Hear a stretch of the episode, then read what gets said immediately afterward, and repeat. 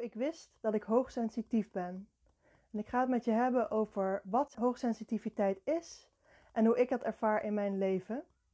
En ik wilde ook gelijk een disclaimer bij geven, want ik ben niet de expert op het gebied van hoogsensitiviteit. Daarvoor moet je zijn bij Leonie van der Kolk. Zij heeft een hele mooie cursus gemaakt met alle kenmerken van hoogsensitiviteit. Die bespreekt ze stuk voor stuk. Dat is echt best wel een waslijst eigenlijk. En in deze live ga ik het puur hebben over hoe ik hoogsensitiviteit ervaar en in welke kenmerken ik me herken. En ik hoop ook dat jij dan misschien ook als je hoogsensitief bent, daar bepaalde elementen uit herkent. En misschien ook voor jezelf gaat ontdekken dat jij misschien ook wel hoogsensitief bent. En dan wil ik het eerst nog even hebben ook over het labeltje. Door mezelf hoogsensitief te noemen, plak ik eigenlijk een labeltje op mezelf. En dat vind ik eigenlijk best wel een lastig iets. Want ik geloof er heel erg in dat mensen uniek zijn. En ik wil eigenlijk mensen ook niet in een hokje stoppen en ook mezelf niet. Want ik stop mezelf nu eigenlijk in een soort van hokje waar ik misschien wel niet meer uitkom. En nou, zo wil ik het in ieder geval niet zien. Ik wil het eigenlijk meer zien als een soort bibliotheek. Dus dat ik zelf een soort bibliotheek ben met allemaal plankjes waar dingen over mij op staan. Dus mijn kennis, mijn ervaring, mijn persoonlijkheid zijn allemaal plankjes in de bibliotheek. Bijvoorbeeld, ik heb kunstgeschiedenis gestudeerd, dat is een plankje. Ik heb in de IT gewerkt, dat is een plankje. En een ander plankje is dat ik uh, hoogsensitief ben. Dus zo wil ik het meer zien in de context van wie ik verder ben. Zeker niet als een hokje. Dan is het ook nog wel even fijn om het te hebben over wat is hoogsensitief nou? Wat is de definitie? Vaak wordt het ook afgekort als HSP, dus hoogsensitief persoon. En dat is eigenlijk een persoon bij wie het zenuwstelsel anders werkt dan bij andere mensen. Dus bij wie prikkels vaak harder binnenkomen en die ook meer tijd nodig hebben om ja, weer te ontprikkelen. Dus eh, weer rustig te worden. Het kan best zijn dat je een best wel een vol hoofd hebt van alle prikkels. En die prikkels die kun je op verschillende manieren ervaren. En ik ga een paar manieren bespreken die ik in mijn leven ervaar. Nou, dan ga ik het even hebben over de verschillende zintuigen. Want prikkels komen eigenlijk binnen via de zintuigen. En een van de zintuigen is natuurlijk smaak. En wat veel hoogsensitieve personen ervaren, is in ieder geval wat Leonie ook in haar cursus zegt, is dat ze niet zo goed tegen scherpe smaken kunnen. Dat heb ik dan zelf niet. Ik vind het juist heel fijn als eten wat pittiger is. Maar wat zij ook zegt is dat hoogsensitieve personen vaak de ingrediënten los van elkaar eten. En dat herken ik wel echt heel erg. Dus ik ben er niet zo van om allerlei ingrediënten bij elkaar te stoppen en dat maar door elkaar te mengen en dat op te eten. Wat ik juist fijn vind zijn gerechten waar heel weinig smaken in zitten, maar wel echt duidelijke smaken. Dus ik heb bijvoorbeeld stage gelopen in Italië vijf maanden lang. En daar kookte ik dan een gerecht. En de andere Nederlanders keken me echt aan van... Wat eet jij nou weer? Waarom eet je zo weinig? Dus ik had dan pasta met olijfolie, knoflook, peper en parmezaanse kaas. En wat peterselie erop. En die andere Nederlanders keken me aan van, hey, waarom doe je er niet nog wat tomatensaus bij? En wat kappertjes bij? En wat olijven bij? En ik dacht, nee, nee. Ik hou gewoon van een simpel gerecht met een paar smaken die heel duidelijk zijn. Dat ik precies kan proeven, is de pasta goed gekookt? Is het de goede olijfolie? Is de knoflook uh, lekker vers en niet erg doorbakken of te weinig doorbakken? Ik vind het heel fijn om die smaken echt goed te proeven. Dus ik herken me heel erg in uh, andere aspecten. Ik heb liever bijvoorbeeld losse tapas dan een stampot waar alles maar door elkaar zit. Gehoor is natuurlijk een ander zintuig. Lawaai, ja, ik ben ook wel echt wel heel erg gevoelig voor lawaai. Ik kan echt heel erg zenuwachtig worden als iemand allerlei piepjes heeft op zijn telefoon. Oh, dat echt weer ping. En vooral ook dat onverwachte aspect daaraan. Ik moet zeggen, ik heb zelf ook altijd mijn telefoon op stil staan. Ik vind het vreselijk als hij afgaat. Ik ben echt een, een hele grote stoorzender. Dus ja, lawaai, daar ben ik ook wel echt heel erg gevoelig voor. Wat betreft de aanraking, dus de huid eigenlijk, dingen voelen. Daar ervaar ik met name met stoffen dat ik heel erg expliciete voorkeuren voor stoffen heb. Ik kan totaal niet tegen wol. Dat vind ik echt vreselijk kriebelen. Als ik dat aan heb, kan niet meer nadenken. Ik kan helemaal niets meer. Datzelfde heb ik met polyester. En ze ook wel met zijde. Dat voelt voor mij juist weer veel te glad. Dus daar kan ik ook niet zo goed tegen. Eigenlijk de stoffen waar ik het beste tegen kan zijn katoen en uh, viscose. die voelen voor mij fijn en daar voel ik me fijn in. Dus ja, ook met stoffen merk ik heel erg ja, expliciet ben qua aanraking. En dat heb ik dan ook met mensen. Ik vind het eigenlijk ook niet zo fijn als mensen mij aanraken. Er zijn natuurlijk een paar mensen in mijn directe omgeving waar ik dat wel fijn van vind. Maar in principe vond ik eigenlijk die anderhalve meter best wel fijn. Dat mensen gewoon even op een afstand blijven. En dat niet allemaal random mensen waar je ja, een schouderklopje geven. Of een aai over je bol. Of nou ja, daar moet je echt met mij niet mee aankomen. Of met oud en nieuw dat je drie zoenen moet geven of zo. Nee, daar hou ik echt niet van. Dus uh, weinig aanraking van niet de directe omgeving. Ja, dan heb ik ook met het zintuig uh, zicht, dus dingen zien, heb ik ook wel heel erg dat dat binnen kan komen. Het kan heel erg mijn gemoedsrust bepalen. Ik weet bijvoorbeeld, bij mijn vriend was ik in zijn oude huis, waar hij eerst woonde.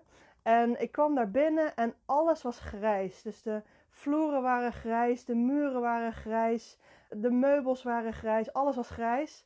En ik, bijna de minuut dat ik er binnenkwam, voelde ik echt een soort depressief gevoel over me heen komen. Dat grijze, dat had echt een heel erg effect op mijn humeur. En ik merk dat het dus andersom is als ik juist in een hele ja, lichte omgeving zit. Dus bijvoorbeeld in een witte kamer met houten vloeren.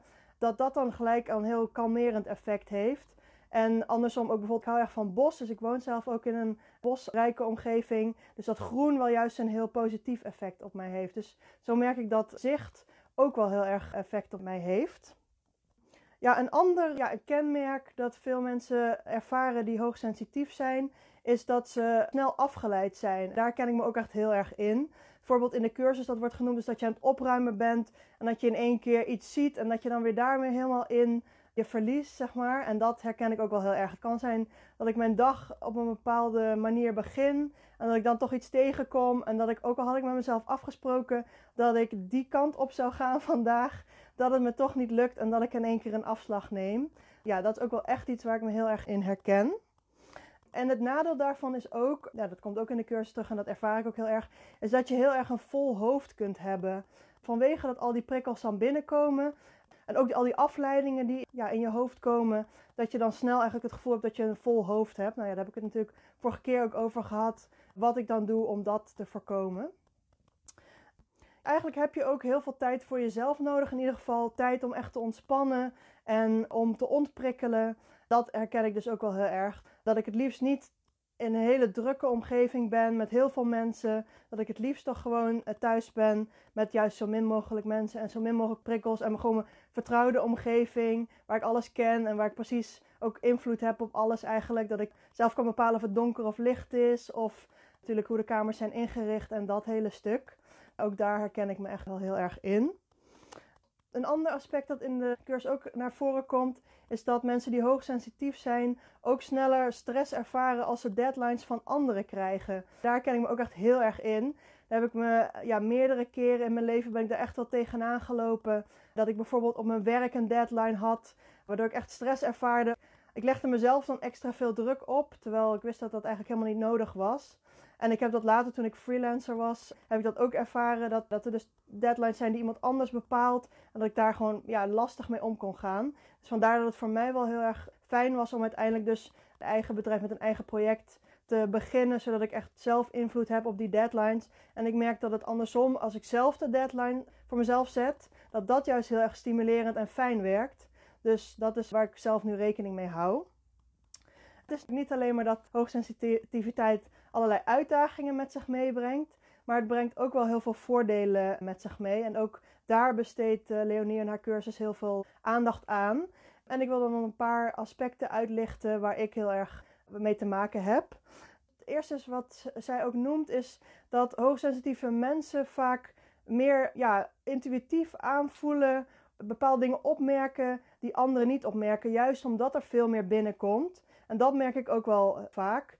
Ik vind het zelf altijd lastig, zeker bij mensen, om te kijken van is het nou een vooroordeel of is dat intuïtie. Maar ik merk dat ik toch wel vaak een goed beeld van iemand heb, ook al heb ik die maar kort gezien of dat ik toch al vrij snel een goed beeld van die persoon heb, dat ook later wel blijkt te kloppen. Kan een uitdaging zijn natuurlijk om niet dat als een vooroordeel te gaan zien. Maar ook situaties dat ik dan sneller zie van zo is de beste manier om dit aan te pakken. Dus die, intuïtie, ja, dat is wel iets wat ik heel erg herken. En ook iets waar ik zelf meer aandacht nog aan wil besteden, om daar ook meer naar te luisteren.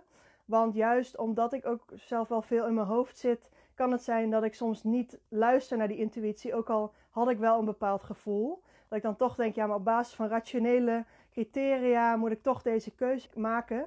Dat is wel iets waar ik nou, de komende tijd bijvoorbeeld meer aandacht aan wil besteden. Om toch meer naar die intuïtie te luisteren, naar dat eerste gevoel eigenlijk. Ja, een ander aspect dat Leonie ook bespreekt is dat hoogsensitieve mensen vaak creatief zijn. Nou, dat heb ik ook heel erg ervaren. Sowieso vind ik creativiteit heel erg fijn om om me heen te hebben. Dus het is niet voor niks dat ik in eerste instantie kunstgeschiedenis ben gaan studeren. Ik vind het heel erg bijzonder om in het hoofd van iemand te kijken en te duiken van hoe iemand nou tot een bepaald idee is gekomen. Of hoe het proces is geweest om iets te maken. Nou ja, en later ben ik dan als softwareontwikkelaar vooral ook bezig geweest op een creatieve manier problemen oplossen. Dat is ook wat ik het leukste vond aan, vind nog steeds, aan softwareontwikkeling. Ja, je hebt eigenlijk een probleem, er is misschien wel geen oplossing voor. En toch door creatief na te denken, dingen uit te proberen, toch uiteindelijk tot een oplossing komen die werkt. Dus dat vind ik uh, ja, wel een aspect van hoogsensitiviteit waar ik me heel erg in herken. Ja, en het laatste is dat ik ook sneller verbanden zie tussen dingen. Dat is ook wat ik in mijn hele studie heb ervaren. Ik heb heel veel verschillende opleidingen gedaan. Ik heb vier verschillende opleidingen gedaan. En toch voelde het voor mij niet als vier studies. Het voelde voor mij echt als een soort van één pad. Want ik zag toch weer steeds de verbanden tussen de verschillende opleidingen. En dat merk ik nog steeds eigenlijk wel dat ik misschien verbanden zie die anderen niet zien. En ja, soms maakt het ook wel lastig. Dan moet je iets proberen uit te leggen wat een ander nog niet ziet. Ik herken dat wel heel erg, dat ik sneller verbanden zie dan anderen. En ik krijg dat ook wel vaker terug.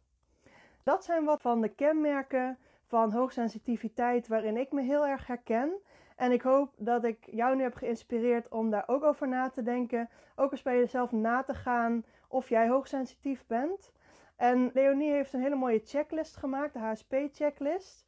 En die zit in de opstarter ontdek en ontplooi je persoonlijke kwaliteiten. En daarin zit dus de HSP-checklist. En je krijgt ook gelijk toegang tot de eerste module uit haar cursus. En daarin ja, leer je dus precies ja, wat hoogsensitiviteit is, wat de kenmerken allemaal zijn. De cursus heet Je Sensitive Self. En als jij nu denkt van hé, hey, daar wil ik meer over weten, dan is dat echt wel een aanrader. Nou ja, bedankt dat je eh, hier nu naar hebt geluisterd.